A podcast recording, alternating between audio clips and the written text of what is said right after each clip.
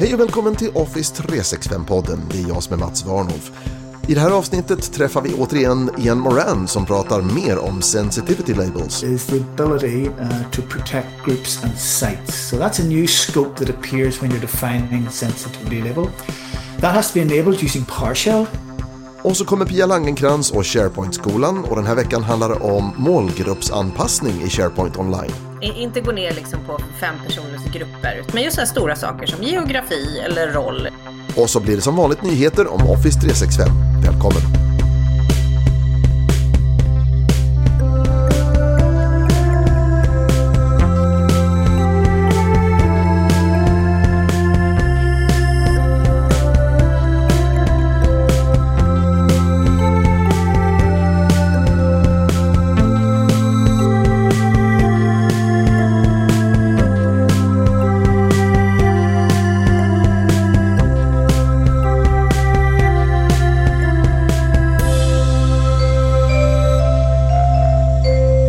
Välkommen som sagt till avsnitt 4 för 2021 av Office 365-podden. Men innan vi släpper in gästerna tänkte jag ta dig med tillbaka i tiden, nästan 20 år, för nu ska det handla om skrivare.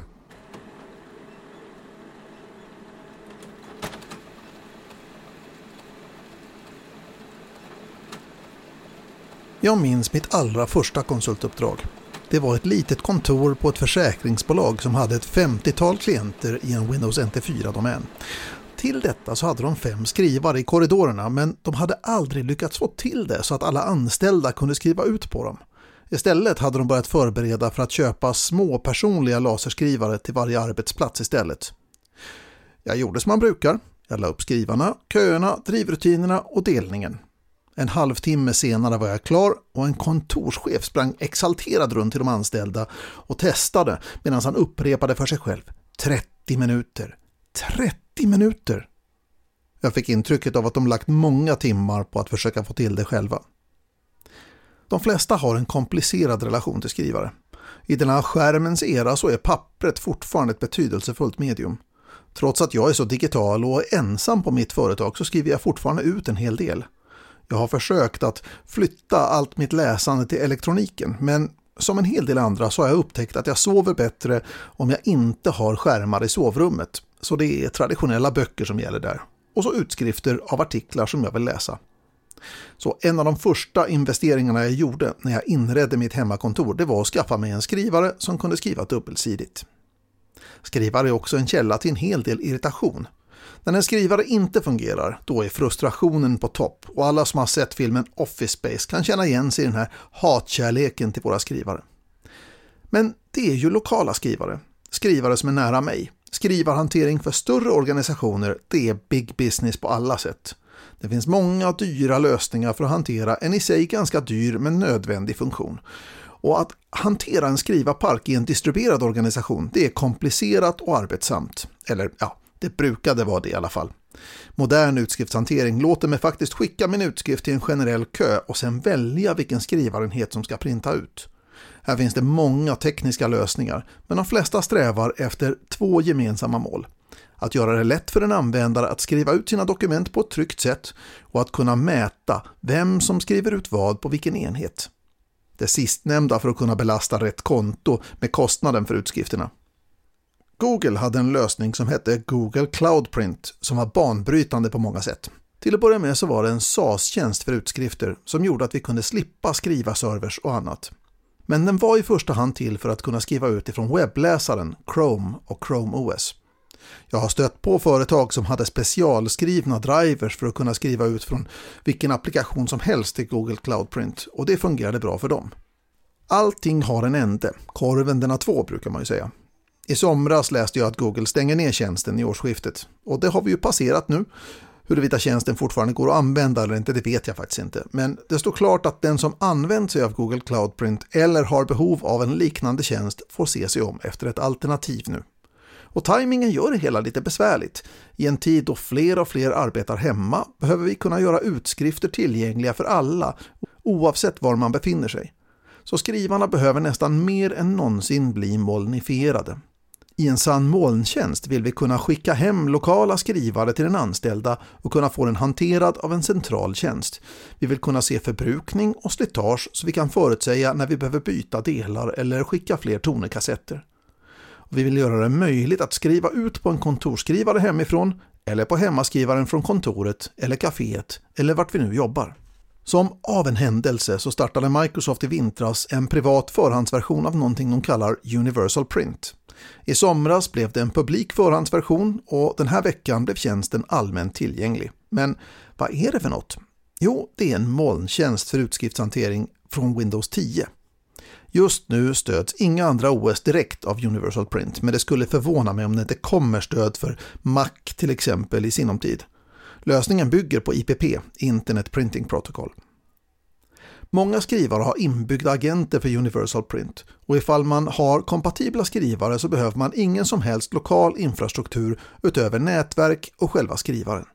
Om du har osupportade skrivare men har existerande traditionella skrivarservers uppsatta i Windows Server så finns det en agent eller drivrutin som gör att serverns skrivare blir tillgängliga för Universal Print.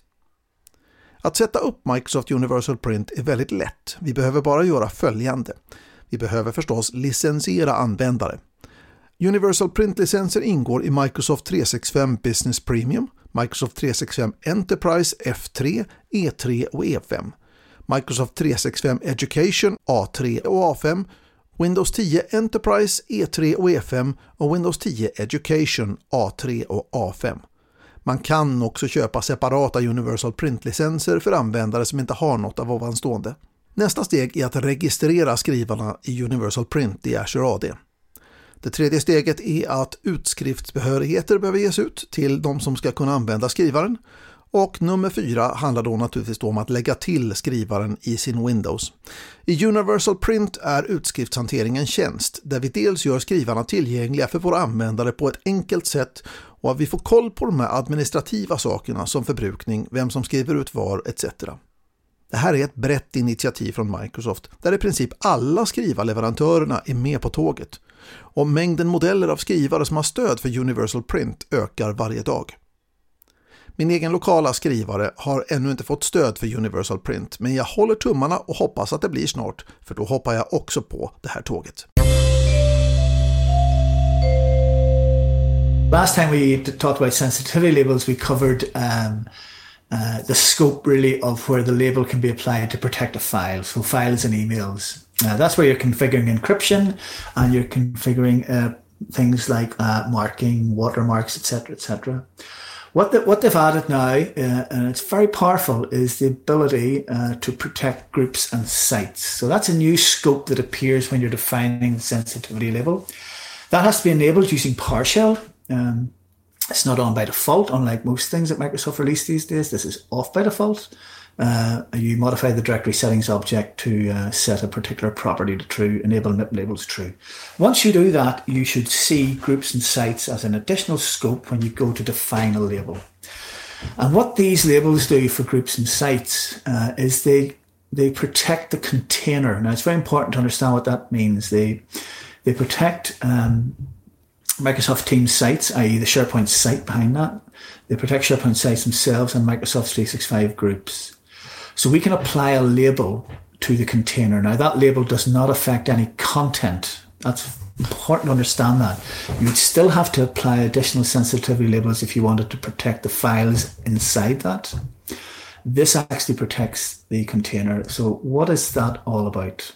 Well, it allows us it allows us to allows us as Teams administrators to make sure, if you like, that users when they create teams, etc., um, can pick a particular sensitivity because this, once you define a sensitivity label as being applied to a group and a site, that label will be visible in the group creation process or when you go to create a team, there'll be a sensitivity drop down and you can pick your uh, label in there. That the, the only label that will be visible in there is ones that are using the scope for groups and sites. And that allows us to do several things. We can control the privacy. So at, at the time of team creation, we can say if the team is private, public, or none. We can control external user access, i.e., are guests allowed into this team? And what has appeared this morning in the message center, and now this has been in preview and I've been looking at this for a while, as you know, is external sharing. So we can control the external, external sharing of SharePoint sites as well. Okay. Um, and, and, that, that's borrowing that external sharing configuration from the SharePoint uh, admin center. Uh, it's exactly the same, almost exactly the same set of settings there. And finally, we control access from unmanaged devices. We can, we can stipulate that you cannot access this team or the SharePoint site without having a managed device in, in, in, Intune or whatever, things like that. Um, and that's good from our point of view because the user doesn't have to think about that. We can, can we can set the, the uh, particular label to turn all these things on. So, for example, a, a use case in my in my tenant is I've created a label um, for a highly sensitive site. And in that, I've said that it's a private, it's a private site. External sharing is not allowed. External user access is not allowed. Sorry, the external sharing has to be uh, only uh, with people inside. Um, and access from unmanaged devices is blocked.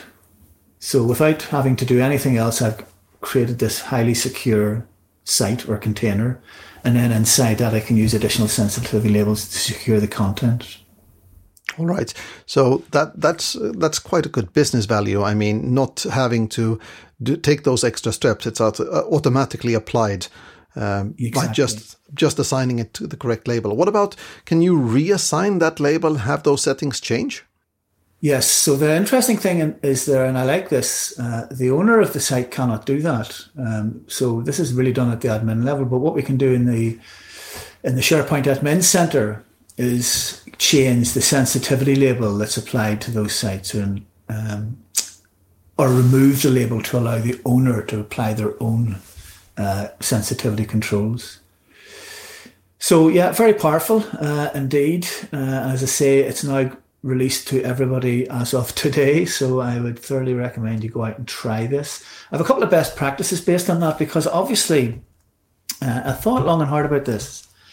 We, in general, in general, when it comes to sensitivity, sensitivity labels, you don't want to define too many. You don't want to give the user too many choices. You want to make life easy. It's all about making life easy. It's all about trying to automate as much as possible for the end user so they don't have to think about security.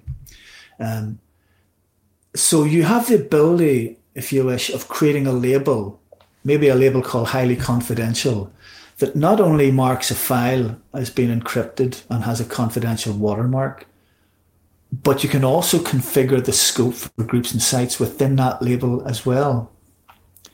You, like a super label that's doing all of this. Yeah. And I kind of didn't like that. I uh, I thought, well, look, in any deployment, you're probably going to have at most three or four different types of uh, sensitive site.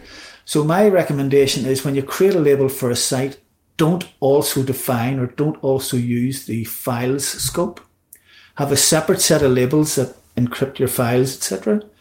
But create separate labels that uh, that target the containers themselves. Okay. Don't include both scopes in the same label; it can get a wee bit confusing. Um, and you don't need many labels, as we talked about in the last uh, session.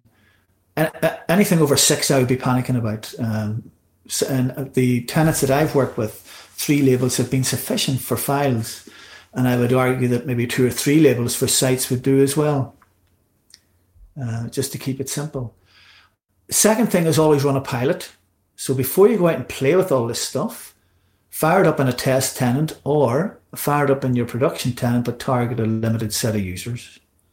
So that not everybody's falling over uh, any issues that you might have. Like having a and pilot fa- group for it, right? Uh, uh, totally. So, I mean, obviously, the ones to pick on there are the IT team because, uh, you know, they, they are more used to issues and dealing with them uh, uh, than the normal users. And then the final thing, and the most important thing, is to document the labels and we talked about this in the last session as well. I have a, for instance, I highly recommend creating a modern SharePoint page. In my case, I've just have a, a table on that page that documents what the labels do. And we can link to those labels. But uh, ultimately, the end users should know about these labels and what they do before they ever use them, before they ever encounter them. Yeah. That's a good, that's a generally a good practice, I think, to to use SharePoint pages to uh, as, as a documentation and training system Yeah. for the users. Yeah, Yes, because there's some there's some of the uh, in the label definitions and policies. There's there's areas in there that you can link to the help page, so you get in the moment or you know, in the moment uh, information available to the end user as they're creating these uh, labels and objects. That's it. all right. Well, that's good. that's that's not a small piece of news, right? I mean, It's huge. Yeah, It's I, huge. I've also played with this uh, as a preview, um, and um, uh, I thought it was uh, a bit confusing at times. I, I remember reading that uh, it didn't really affect I, I- assigning the label, like you like you just said, assigning the label to a container does not actually assign that same label to the contents of that Yes. container, and that was that was what I was kind of expecting it to to, to do. yeah. Yeah. So Yeah. and some and some of the documentation actually is ambiguous in that. Uh, some of the documentation from Microsoft uh, is um, possibly needs modified, but yes, it's absolutely not the content, just the container. Now there are there are rumors, if you like, of Microsoft extending that container label. The the obvious thing to do would be that uh, all the data in the container inherits the label. Uh, so maybe that will appear in the future. I don't know. And there's one, there's other one thing missing from this, and I raised this on user voice, but as we know, user voice sadly has gone away. The one last piece of the puzzle for me would have been to enable to have another scope in there that allowed you to control if the owner of the site uh, allowed members of that site to share content and files. That you know that advanced permission SharePoint setting yeah. it would be great to bring that into here as well because then we can in one fell swoop create a site that's really tightly locked down and the user doesn't have to think about a thing Right. I was I was a bit curious about maybe uh, SharePoint switching to the standard uh, Azure AD business to business sharing model uh, instead of using their own model, which are, they're currently doing. SharePoint and OneDrive have their own method of uh, sharing. Uh, That's right. Rather than the, the which Microsoft actually says is is the default, which is uh, the Azure business to business. Yeah. Yeah solution. So um, i'm kind of curious whether that's changing too but well the, I mean, i'm sure you watched ignite. There was a very interesting i mean the most interesting thing to me from ignite was uh, was it called teams connect? Uh, the ability to basically create this shared channel Right. in a team. And that, curiously enough, is using something else in the background to make that work, to make to give access to that SharePoint site to somebody in another tenant is not using uh, B2B. So I don't know what they're doing there in the background to wire that together. exactly I, uh, that's a mystery to me as well i thought that maybe i mean we have the the sharepoint uh, onedrive standard uh, sharing and you have the azure uh, business to business sharing That's right. uh, but this one uh, would not require any object to be created in your local azure ad and that was kind of puzzling. I mean, I, Yeah. I, I, I really, I'm really going to study the architecture behind this once the, the details Yeah. get out. Yes, it'd be interesting to look at that SharePoint site in a shared channel and see the objects that have been given permission. I bet you they hide them. I bet you they're not visible. I mean, they, they have to be visible in, in some respect. I mean, Yeah. in case you want to change anything or just want to do an audit or something like that. Yeah, but if it's not creating an object in your own directory, what, what's going to be in there? Right, right, right. But you have to find out somehow that people outside are, be, are able to access it. So, well, uh, I think also Teams Connect was uh, really the most interesting thing from from Oh, yes. Ignite for me too. So th- I'm going to be interesting to follow that one up. So um, That to ship. yeah, I, I go back to to the sensitivity labels. There was one thing that I actually read about, uh, and I haven't actually tried this, but uh, I read about this during the preview, where it said that if you have a a file that is highly secure, let's say you have a high sensitivity label on it, and you put it in a site that has a lower sensitivity, you will actually get warnings from SharePoint telling you that uh, this file doesn't belong here. That's right. That's right. Yeah. And that's a good thing. Yeah. That's a very good thing. Uh, I, I can't remember what the override is at that point in time, but uh, I think it is just a warning. Yeah. I don't think it will prevent you from No, no, putting that file there. It's just a warning. Yeah, exactly. It would just So yeah, that flag it. yeah, though the order of the labels, the top-down order, top to bottom order of the labels in the in, uh, in the security or compliance center is very important. Yeah. because uh, and it's up to you to get that order right. You know, they don't know that highly secure is more secure than secure unless you order them uh, to, to reflect that. There are some industries that really require this sort of thing, like financial industries Finance, or pharmaceuticals and things like that. But highly regulated businesses, I, that's what I think uh, they have the biggest uh, business uh, incentive and, and also the biggest business value of implementing sensitivity labels. Yeah. Uh, yeah, you're right. But I mean, I would also argue that everybody using Microsoft, any company using Microsoft Teams, will get business value out of out of these uh, out of Microsoft information protection in general, uh, because you know you do not want documents falling into the wrong hands because could, they could embarrass you, they could cost you money eventually.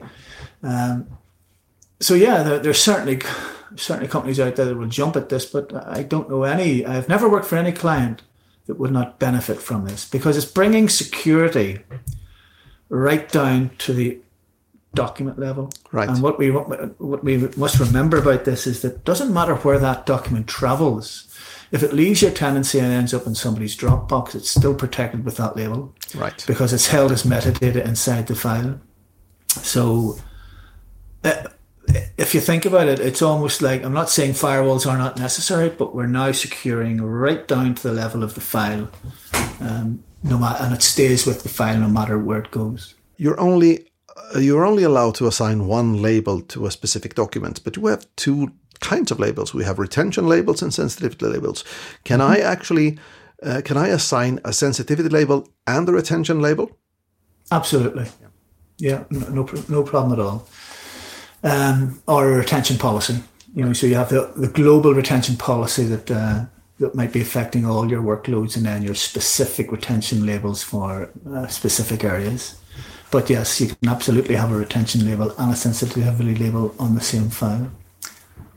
The fluid framework that Microsoft's really looking at. I'm not talking about the graphics. We're we're talking about uh, really turning around the entire way we look at a document because a document today, I mean, we look at it like a this is a Word document and this is an Excel spreadsheet and this is uh, whatever it is.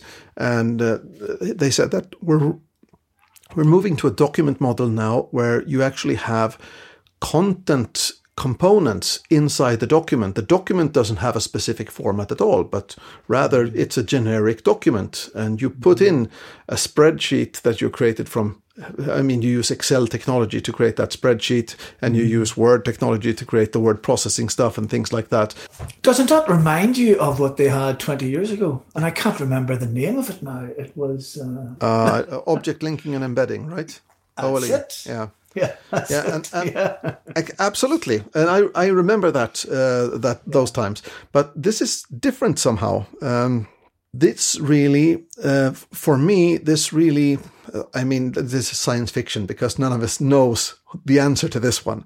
But I was really speculating around whether or not you could actually label different parts of the content with different uh, uh, sen- sensitivity. You have uh, a document that has a different kind of content in it, and all of it isn't secret. There are a few bits and pieces, a few uh, paragraphs here and there that where it would be interesting to see if you could actually label, classify the information rather than documents.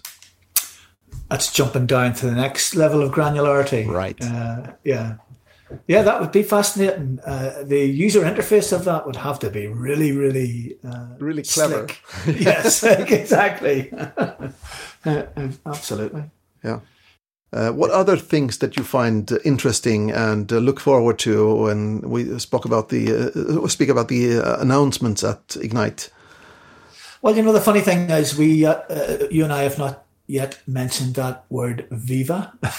Right. Uh, so I, I've, I'm looking. I'm currently looking at uh, the components that are available to us. I'm looking at those components at the minute to see how they see the business value of that. Um, but they weren't the most exciting things for me from Ignite. Again, it was uh, Teams Connect. Yeah. It was something simple like Outlook Board View, where uh, I don't know if you've uh, yeah yeah if you've I haven't seen it yet. It hasn't shipped. No, I, I have seen the screenshots. That's it. Yeah, yeah. Uh, and I, and yeah, I mean, there's a lot of other things about team scalability and blah blah blah blah blah. But it's those things there that, uh, especially Teams Connect, that's going to really really change how my customers use this product, uh, and that's a good thing. Yeah, it really is really, really is. Yeah. The other thing, I'm, uh, the other thing I'm looking forward to. This is I don't. This wasn't mentioned at Ignite, but uh, and you you may not be aware of this, but I came across it on a tweet.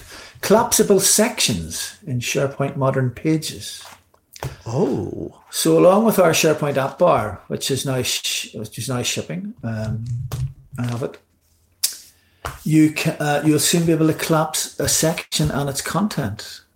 Oh. Which will make for easy scrolling of a of an internet homepage. And I think that's fantastic. I never saw that announced anywhere, but some people started talking about it on Twitter and linked to uh, images of this, and we're, we expect to see that soon.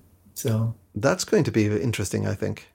Yeah, we don't we don't always get forewarning of stuff that's about to appear. No, it just just this cool stuff just lands.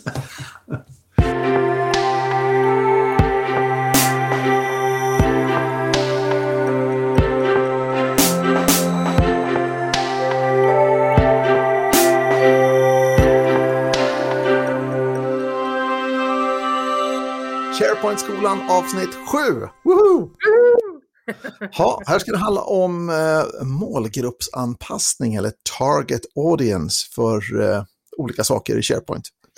Ja, precis. Vad är en målgrupp? Alltså, det här är ju någonting som jag försöker få, få alla att förstå, att man måste skriva för sin målgrupp. Eh, och, och egentligen så gäller ju det vad du än gör. Alltså om du skriver ett mejl så måste du tänka på den som ska ta emot det. Vad du vill mm. att den ska tänka, känna, tro, kunna eh, när de har läst det. Eh, och, och, när vi gör det här SharePoint så kan vi faktiskt ha en sajt med väldigt mycket information, men vi kan skruva om så att den visar upp informationen olika för olika typer av människor eller målgrupper. Och då kan du ändra hur eh, vissa webbdelar beter sig på SharePoint-sidan, som till exempel nyheterna.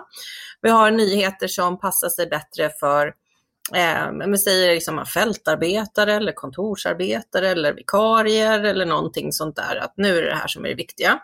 Eh, om, så du kan i webb eh, liksom i webbdelar. Alltså liksom en SharePoint-sida är uppbyggd av webbdelar som vi har pratat om tidigare. Eh, så de webbdelarna kan du anpassa efter de här målgrupperna, så ja, visa upp de här nyheterna bara för det här. Eh, och så kan du göra det i navigeringen också. Eh, vilket är ganska coolt då. Eh, det här var ju någonting som vi inte kunde göra i standard SharePoint förut, utan det var ju någonting som man fick köpa till för dyra pengar eh, och utveckla själv. Det var inte så mycket standard. Men nu är det standard, nu är det good times good times. Okej, okay, men hur, hur, går det till? Säg då, säg att du har eh, ett eh, team människor som arbetar på lokalkontoret i Örebro och det här är i första hand ett, eh, en, en eh, nyhet som är riktad till dem. Hur, hur ser arbetsgången ut för att slå på liksom, publikanpassning? Ja, först så måste du ju slå på att du vill använda audience targeting. Det är steg ett. Um, så det gör man på lite olika ställen. Ehm, så först så måste du göra det på, om du vill göra det på nyheter så måste du gå in i Pages och gå in i list settings för pages. För det är också så här, alla sidor och alla nyheter på intranätet är ju då tada, i en lista. Um, och då när du slår på audience targeting setting uh, eller målgruppsanpassning i den, det är, det är bara en checkbox eh, som man säger, slå på det för den här. Ja, då dyker det upp ett uh, Ehm, en kolumn till på den där Pages-listan eh, och sen då när du är inne och redigerar varje varje nyhet så får du liksom den lådan för eh, audience targeting och då lägger du till en grupp där. Och den här gruppen behöver ju då vara en SharePoint-grupp eller en Teams-grupp eller en Active Directory-grupp. Um, så att du kan höja upp den där. Um, och så då har, du, då har du slagit på den och skapat gruppen, eh, eller gruppen har du skapat förhoppningsvis tidigare. Det här är det som vi har pratat om så många gånger eh, och det kommer vi liksom tillbaka till. Alltså man måste ha ordning i sitt Active Directory och man måste veta vad man vill.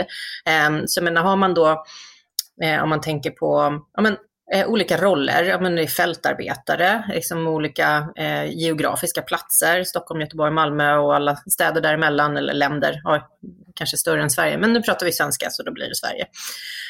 Um, så när man har de grupperna färdiga och så har du skrivit då din nyhet eh, och det där, så, så gör du att den har den audience targeting-gruppen. Men du är inte klar än, utan du behöver ju också lägga in det på webbdelen på sidan, att, att den här ska vara anpassad för audience targeting. Webbdelen på sidan, vilken, vad, vad, vilken pratar du om då? Alltså, är det nyhetswebbdelen då på sidan? Eller vilken? Ja, precis. Okay.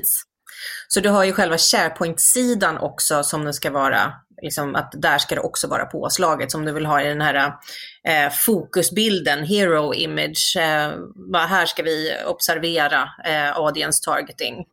Eh, så kommer den att tänka så när den renderas när den eh, liksom hämtas ifrån SharePoint Online när den ska visas upp. Och så säger okej, okay, men jag ska tänka på att göra det här också. Det påverkar lite prestanda. Eh, så att eh, tänk med stora penseln, liksom oftast gör det inte för detaljerat. Sådär. Eh, och sen allt samma ska inte med... vara publikanpassat liksom? Nej, allt ska inte vara publikanpassat. Det blir liksom, eller liksom ja, rita med stora penseln. Ja. Inte gå ner liksom på fem personers grupper utan då, då kanske man kan eh, baka in det i någonting annat. Men just så här stora saker som geografi eller roll. Liksom. Om, om man nu har de här sajterna som jag skapar överallt, det är liksom så guider och eh, sånt där. Då kan man ju då rikta sånt som är för fältarbetare till exempel, där vi fokuserar på mobilerna och det där, ja men då kan vi rikta det till dem och så när de kommer in så står det bara om liksom Teams-appen i mobilen och hur man gör eh, med den.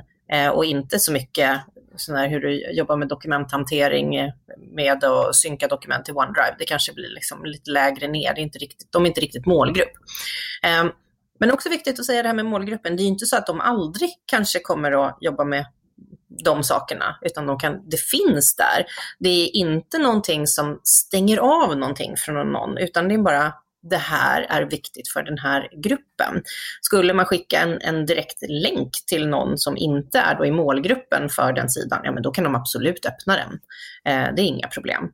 Utan det, det är hur vi gör när sidan kommer upp, så kan eh, då samma sida se olika för olika målgrupper. Och det inkluderar ju liksom också då i, i, navigeringen, som, som jag sa. Och där behöver du ju också slå på målgruppsanpassningen i navigeringen. Mm. Så i grund och botten så man skulle kunna summera det du säger lite grann så här då att, att om jag har ett innehåll som har en, en tänkt publik, alltså några som är mest intresserade av det eller så vidare då, då kan jag använda mig av, av målgruppsanpassning. Men det är inte en säkerhetsfeature, det är inte att jag kan hindra folk från att se en viss sak utan det handlar om att snarare hjälpa folk att hitta till en sak snarare än att förbjuda folk att hitta saker. Mm, precis. Det, det, funkar precis så. Och, och, där kan man ju då, när man, när man tänker på sådana här stora viktiga SharePoint-sajter som vi har, eh, vi har personalhandboken eh, och då vore det ju kul att i personalhandboken så har vi gjort en anpassning på nyheter och navigering för till exempel konsulter. Eh, de flesta företag nu har ju, tar ju in väldigt mycket konsulter, kortare tider för att göra saker då kanske det inte är så himla intressant att liksom bubbla upp då saker om utvecklingssamtal eller sådana där saker, liksom hur man får en telefon, utan snarare liksom så här, hur begär du de här sakerna som du behöver som konsult? Vad gäller för dig? Um, för det kan ju finnas vissa saker som, som företag sträcker ut till oss konsulter, att vi också får konsumera och nyttja. Eh, och, och, just när guider då för eh, som utbildningssajter och annat när man har information, att man tänker på att det här är målgruppsanpassat eller det här är om, man, om man har en målgrupp som kanske inte alls kan engelska eller svenska. Språkmässigt så då finns det ju andra verktyg som man kan jobba med. Då kan man jobba mm. då med page translation och så vidare. Då. Det, det, kan man göra då. Så det handlar inte om att, att i, alltså i, i, den bemärkelsen. Men jag förstår hela din tanke med att liksom vända sig till en verkligen geografiskt specifik publik. Mm, mm.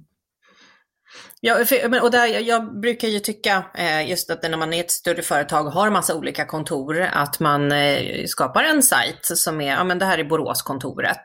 Ehm, och jag som är i, i Stockholm, jag är inte intresserad av vad som händer på Boråskontoret. Det är mest brus för mig, som att ja, men nu är hissen trasig eller eh, nu är det gratis tårta, eh, liksom vi, vi firar det här ehm, vi har nya skrivare som kommer in som kommer hämta ett nytt pinkod. Eh, det är inga hemligheter för mig, men det blir brus. Och, och, då att man liksom sätter då den här målgruppen Borås på det, så är det fine. Sen den dagen då jag var liksom så här, men nu ska jag åka till Boråskontoret, jag undrar var jag ska parkera någonstans, men då kan jag gå in där och söka efter det och, få reda på det. Så det, det handlar inte om att eh, begränsa, utan att lyfta upp över eh, liksom det andra. För är det någonting vi lider av nu så är det informationsöverflöd. Alltså mm. det finns för mycket. Precis. och, och vi behöver lite verktyg och ta hand om det. Ja, hjälpa folk att hitta det mest relevanta innehållet för respektive person. Liksom. Mm. Lite så. Mm. Jag, jag minns jag hörde en, en, en, eh, en, gång då så att säga, så var det någon som diskuterade här med, med eh, varför har man stationsutrop på, på liksom när man åker buss och så vidare då. Därför att de flesta som åker bussen, de har åkt den bussen förut och de vet vilken station de är vid ungefär eller de vet vilken station de ska av på och så vidare. Då.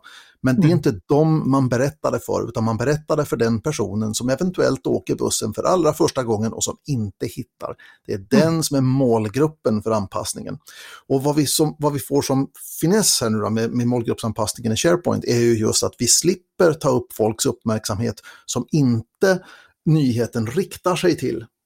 Mm. I, I det här fallet då så skulle man då säga då att målgruppsanpassningen fungerar lite grann som om alla de som var nya på bussen, de hade hörlurar och det var de enda som hörde den här stationsutropen. Medan de andra kunde lyssna på musik eller whatever så att säga. Men eh, mm. ja. Precis, en, en reserverad frekvens. Lite så. Lite så. Och, och, det som är skönt med det här är att du behöver inte sätta på ett par extra hörlurar på någon, utan det är liksom att det är, man, vi vet det här.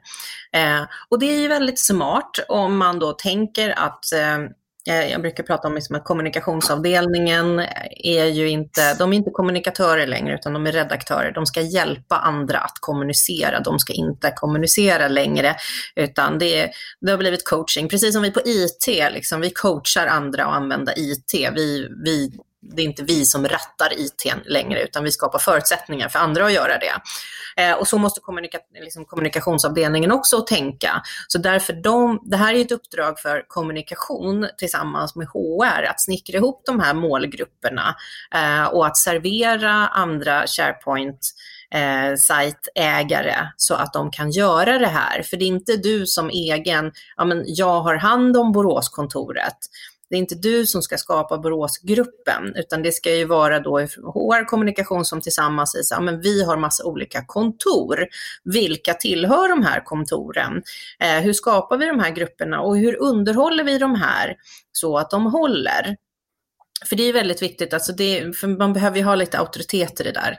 För att om det där blir fel och liksom har låg kvalitet i, då kan inte du lita på det. Utan då kommer man ju tillbaka till att ja, men vi, vi slår på det här för alla och sen så hoppas vi att folk är tillräckligt smarta och hittar till det de behöver. Um, och, och, och, det är lite av en, en fälla i det här om, om du är duktig själv som men min SharePoint-sajt där jag håller på och pratar om en process eller en projektmodell eller någonting och jag vill ha liksom nå eh, projektmedlemmar, eh, konsulter, eh, projektledare. Jag vill ha lite olika sådana där saker och så försöker du snickra ihop det själv och så blir det jättebra när du har gjort det en gång. Ehm, men sen så fyra månader senare så har folk flyttat på sig och det har hänt saker. Ehm, så det här är ju jätteviktigt att när man jobbar med de här sakerna, att, att HR kommunikation slår sina påsar ihop och säger så men hur, hur ska vi skapa de här äh, liksom, kanalerna eh, och bygga upp dem och, och liksom underhålla dem för det, det, är då det blir magiskt. Så det är ju inte bara, inte bara klicka här, sätt på audience targeting, klicka där, lägg in den här länken och så dyker den här lådan upp vilken målgrupp det ska vara, utan det behöver ju vara ordning först. Mm. All right. Mm. Eh, teknisk fråga, kan man använda sig av dynamiska grupper när man gör målgruppsanpassning eller måste det vara tilldelade grupper? Ja, det här är en jättebra fråga, den får jag ju så ofta eh, och svaret är nej.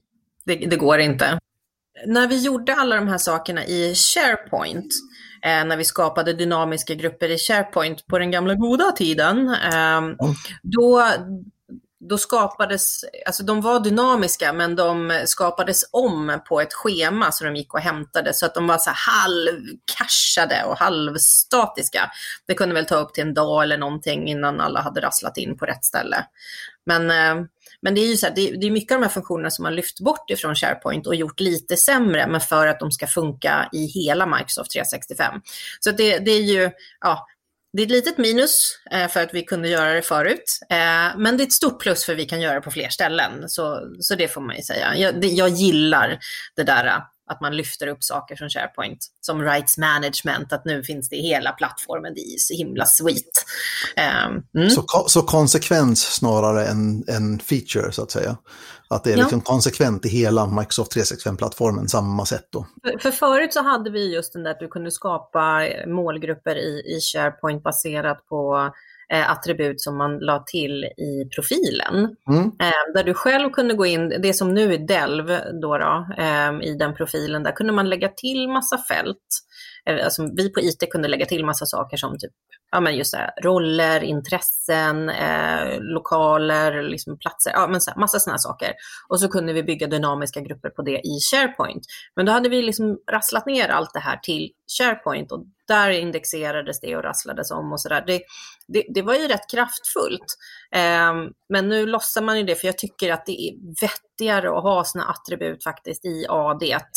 Ehm, jag skulle vilja att vi kanske där kunde bli mera människoanpassade, organisationsanpassade i AD och lägga till liksom, eh, fält där. För det är ju lika intressant eh, i andra tjänster, alltså i, i Sway eller liksom vad, vad, som helst, att man skulle vilja, men det här är till för den här gruppen, det här, är, det här är till för det här. Att man kan organisera upp det och inte bara ha det i SharePoint. För att eh, eh SharePoint har ju varit liksom den här det som vi gjorde allting i, allt som var liksom svårt och mäckigt och komplicerat, ja, men då tryckte vi in det i SharePoint och eh, anpassade massor. Eh, och nu försöker vi liksom lyfta upp lite av de här russina i kakorna och lägga det i hela plattformen. Mm. Um, men vi får se, kanske finns en user voice. Nu måste vi sluta säga det förresten. Forumen på user voice för Microsoft 365 kommer att försvinna och det kommer att ersättas av någonting annat. Men för mig är det fortfarande lite oklart vad det kommer att ersättas med. Ja, ehm. det vore ju bra om de la till det i Docs, att man kunde rösta på någonting, för där kan du ge feedback på den, eh, den informationen som ligger, att det här är inte tydligt, eller jag tycker att det, ja, det här hjälpte inte mig, eller ni har missat det här scenariot. Eh, och det vore ju väl jättebra om någon kunde gå in och rösta på vissa saker, och att det här är en feature som vi vill se, eller det här är någonting som vi vill att du plockar bort. Så det kan ju bli jättebra. Absolut. Det kan, absolut bli. Ja. Det kan bli bättre än vad det var på User Voice till och med. Mm. All right. Ska vi ta och summera ihop nu det här med målgruppsanpassningen eh, i saker och ting. Eh, målgruppsanpassningen hjälper oss att nå rätt människor med rätt sidor och rätt nyheter och, och eh, länkar och så vidare. Eh, vi har mm. ett antal eh, webbdelar som stöder publikanpassning. Det som Microsoft listar på sin egen dokumentation, de, de listar navigeringslänkar, SharePoint-sidor, alla slags, det gör man i Site Pages-biblioteket. Mm -hmm. Så mhm. gör man det. Eh, webbdelen nyheter, webbdelen highlighted content eller markerat innehåll som det heter på svenska. Quicklinks och snabblänkar eh, och webbdelen händelser eller events. Mm. Det är det som Microsoft listar. De här grejerna stöder publikanpassning eller målgruppsanpassning just nu. Eh. Och det är grymt. Eh, just ja. den där, eh, vad, vad, heter det nu, summerat innehåll, eh, nej, urvalt innehåll. Markerat innehåll står det på Microsoft-sidan. Om man, om man navigerar på Microsofts svenska docksidor så står det markerat innehåll för highlighted content. Ja. Jag vet inte, jag, jag, jag, köper inte den översättningen, men jag menar whatever, ja. rocks your socks liksom. Ja, kör. Så, så är det. Men, men, men, den är ju faktiskt, den, den webbdelen tycker jag går från klarhet till klarhet som lyfter upp innehåll ifrån, så där börjar jag röra röra mig lite bort ifrån eh, dokumentbibliotekswebbdelen som är lite trist sådär. Eh, att man tar den där markerat innehåll. Eh, så det, det, tycker jag är, vi får ett halvt rätt på med här dokumentbiblioteksbiten för att det är det som man nu kan göra i, i uh, den. Så det, får, jag, får jag poäng för den ändå? Definitivt. Definitivt. Tack. Mm. Tack. Så, när vi, och när vi pratar om, om eh, navigationslänkarna så är det så att sajtägaren slår på stödet för eh, eh, publikanpassad eller målgruppsanpassad navigation och därefter kan vem som helst som kan redigera navigationsmenyerna kan då mm. välja vem som ska se vilken länk. Då. Men sajtägaren är den som måste slå på det, annars mm. har vi inte det, möjligheten överhuvudtaget. Eh, och eh, om vi, har, om vi har eh, målgruppsanpassat någonting på en sida så krävs det ompublicering av sidan för att det ska träda i kraft. Eh, det händer inte ögonblickligen utan det är helt enkelt så att SharePoint måste läsa in de nya egenskaperna på något vis. Och den sista grejen att tänka på det är att om din grupp som du målgruppsanpassar till är helt nyskapad så kan det ta en stund innan den här målgruppsanpassningen liksom slår till. Då. Det tar en liten stund för SharePoint att synka medlemskapen och alltihopa det här. Men det kommer att hända, så sitt på händerna en stund och så kommer det börja funka. Men eh, bara så att du vet det, att om gruppen du målgruppsanpassar till är nyskapad så tar det en stund innan det kickar in. Mm. Och hur lång en stund?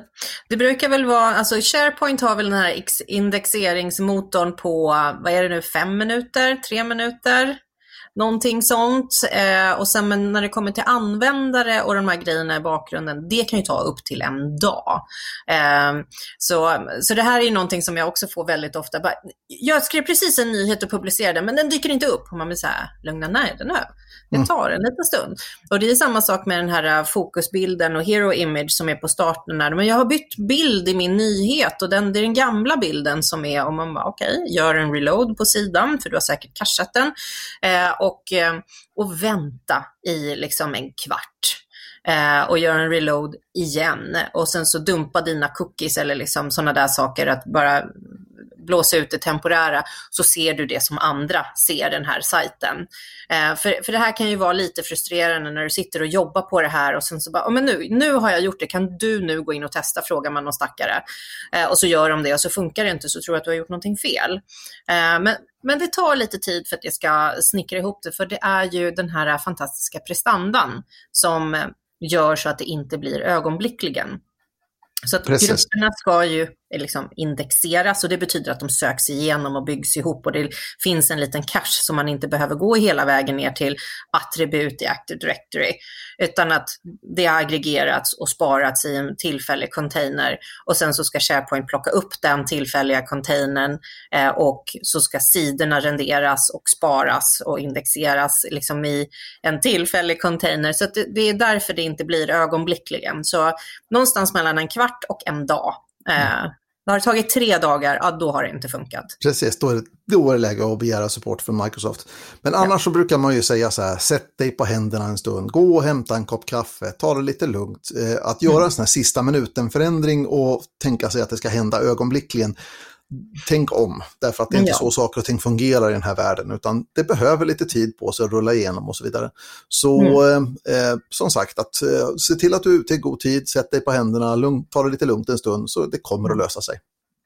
Ja, precis. För det, det är ju som att den, skillnaden på, på SharePoint och andra CMS, alltså Content Management System, som är att när den här är uppe Eh, Eh, så är den uppe och så funkar det liksom egentligen. De flesta SharePoint-sidorna är ju söksidor som plockar upp saker från andra ställen och då måste söken gå i bakgrunden. Eh, och söken är ju så otroligt fantastisk. Den går ju väldigt snabbt i SharePoint. Det är en av de bästa vi har på marknaden. Eh, den finns ju inte med i Gartner längre för att nu kan du bara få den sökmotorn i Microsoft 365. Men innan den plockades in i den världen så var den snabbaste. Så att du sitter inte med dåliga grejer för att det tar en stund. Du sitter med djupt komplicerade saker som bara behöver en liten stund att tänka. Mm. Eh, så därför är det liksom att göra en plan, se till liksom att, och det här med liksom HR-kommunikation, det kommer ta en stund att göra det här, för vi behöver ju ha liksom ett sätt att jobba med det. Tänk på din sajt, att du säger här vill jag ha målgruppsanpassning, så du slår på det på de webbdelarna och navigeringen och allt det här som du vill ha, så att du är förberett för det. Och sen när du skriver dina nyheter, att du tänker innan, det här är min målgrupp och lägger till det från början. Eh, och sen så då när du publicerar så kommer det att läggas i rätt, och, för då har det gått i rätt ordning eh, och då kommer det gå fort, liksom, att det kommer ut till rätt personer.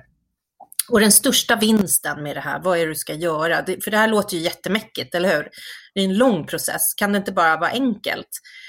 Ja, det, det kan inte vara enkelt, för här måste vi ju tänka, vad är det vi vinner på det här? Jo, men vi sänker bruset. Och, och det är ju någonting som är så otroligt fantastiskt. Alltså, det var ju som när Google först kom ut. Alltså jag, du är ju också gammal som gatan. Så att Absolut. Du kommer ju ihåg hur söksidor såg ut innan, alltså Yahoo med kategorier och allt det där. Och webbcrawler och allihopa de här, ja. Ja, och det var ju, det var ju TMI, too much information, det var så mycket. Och sen så kommer Google med en vit ren sida med en sökruta och sen så hade du den där knappen I feel lucky. Och oftast var det så hittar du rätt saker med bara den. Och det var ju det som var så magiskt. Eh, men det är ju väldigt komplicerat på baksidan av det där. Det är ju en tomtarmé med välutbildade människor som sitter och räknar ut sådana här saker åt oss. Eh, och, och, så är det ju också med den här SharePoint, att du kommer vara en del av den här fantastiska tomtarmén som, liksom, ja men du vet, den här gamla fabeln om den här skomakaren som hade nissar som gjorde hans jobb på nätterna. Liksom. Alltså det är det som vi SharePoint-människor har som roll. Alltså vi nissarna som jobbar på nätterna och ställer ordning alla skor liksom, Liksom i rätt storlekar till folk. Eh, och då blir det inte brus. Och helt plötsligt så, så kommer folk att bara, men intranätet funkar för mig. Alltså när jag går in på våra, vårt företags grejer. Så det här gäller mig. Det är relevant för mig. Jag kan göra mitt jobb. Halleluja. Um, Fast det kommer ingen säga till dig, utan de kommer ju bara göra det. Så det, det, det kommer ju tyvärr inte bli, du kommer inte få några kärleksbrev för det här. Men du ska veta, you're one of the good guys. det är bra, det känns tryggt. Mm. Du, Pia, tack så jättemycket för det här. Eh, en bra genomgång av målgruppsanpassningen och lite grann vad som händer behind the scenes då i SharePoint och varför saker och ting tar tid och sådär. Eh, super! Eh, har du någon aning om vad som vi kommer att prata om i nästa avsnitt av SharePoint-skolan. Där har vi kalkylerad kolumn med dokumentminiatyrer. Nu börjar, nu börjar vi nörda ner oss rejält. Oh, oh ja, absolut. Grejer. Mm. Ja, det är kul. Det är kul. Absolut. absolut. Ja. Ha, tack så jättemycket Pia. Jag vet att du är på landet och har det gott och skönt. Jag hoppas att du kan fortsätta och ha det en stund till. Och eh, så hörs vi i den här podden snart igen. Det gör vi. Ha det bra. Tack. Detsamma. Hej då! Hej! Och det är dags för nyheter i Office 365-podden. Schemalagd portallansering ser vi nu i SharePoint Online. En portal det kan vi definiera som en sajt som har en stor publik med många besök. Och har man ett stort företag med tiotusentals anställda så kanske vi inte vill lansera en ny portal för alla användare på samma dag. Att lansera en portal i vågor är någonting jag kan få hjälp med i SharePoint Online. Vi kan använda PowerShell för att skapa lanseringsvågorna. Antalet vågor som krävs baserar vi på antalet användare. Om sajten ska ersätta en befintlig sajt så kan vi omdirigera grupper av användare som besöker den gamla sajten. När användare i rätt grupp besöker den gamla sajten så flyttas de automatiskt till den nya, medan andra grupper fortsätter att besöka den gamla sajten. Om den nya sajten inte ersätter en gammal utan bara är just ny så kommer rätt grupp åt den nya sajten medan andra grupper når en under konstruktionssida tills det är dags för dem. När respektive grupp når den nya sajten kan man specificera med ett datum och det här är tillgängligt i SharePoint Online redan idag. Nu kan en organisatör ta hjälp att styra upp ett möte i Teams med en ny mötesroll. Att hantera ett möte med många deltagare kan vara knöligt och en del mötesinställningar kommer man bara åt som mötesorganisatör, det vill säga den som skapat mötet initialt. Nu kan den personen ta hjälp av betrodda mötesdeltagare genom att befordra dem till den nya rollen som på engelska heter Co-Organizer. Det är lite oklart vad det nya svenska namnet på rollen blir, men jag röstar för assisterande organisatör. Och den här nya rollen ser vi i Teams under juni månad. I en kanalkonversation i ett team i Teams kan man svara i samma tråd och snart kan du också svara på ett specifikt meddelande. När vi skriver i en Teams-kanal kan man starta en ny konversationstråd eller svara i en befintlig tråd. Men ifall vi vill svara på ett specifikt meddelande så har det varit omöjligt. I april kommer den möjligheten. Vi väljer helt enkelt det meddelande i tråden som vi vill besvara eller kommentera och svara där och då får vi också det ursprungliga meddelandet som vi besvarar i en citatbox i vårt svar. Det här gör att ditt svar får rätt kontext utan förvirring och under april månad kan du som sagt hitta den här möjligheten i Teams. Det är många som gillar att använda Microsoft Whiteboard i Teams-möten men först nu kan även Android-användare vara med. Microsoft Whiteboard är en applikation som finns för Windows och iOS och andra miljöer får köra webbversionen av Whiteboard och det fungerar ofta bra för den som ska titta på whiteboarden. Men för den som ska skriva eller rita så behöver man ofta en miljö med pekskärm eller stylus som det heter, alltså pekpenna. Android har de möjligheterna men har varit utanför matchen på grund av att det inte funnits någon applikation helt enkelt. Men nu under mars rullar Whiteboard för Android ut, så om du har en Android-platta eller mobil så tycker jag att du ska installera appen redan idag och börja testa lite. Och det var nyheterna i Office 365-podden. Det var faktiskt allt för Office 365-podden för det här avsnittet. Tack till Ian Moran som ställde upp och berättade lite grann för oss om Sensitivity Labels i SharePoint. Stort tack också till Pia Langenkrans som så elegant tog oss igenom SharePoint-skolan och målgruppsanpassning. Finns det någonting som du skulle vilja höra i Office 365-podden? Skicka ett mejl till office365podden at varnolf.net. Jag heter Mats Warnolf. Ha det jättegott. Vi hörs. Hej!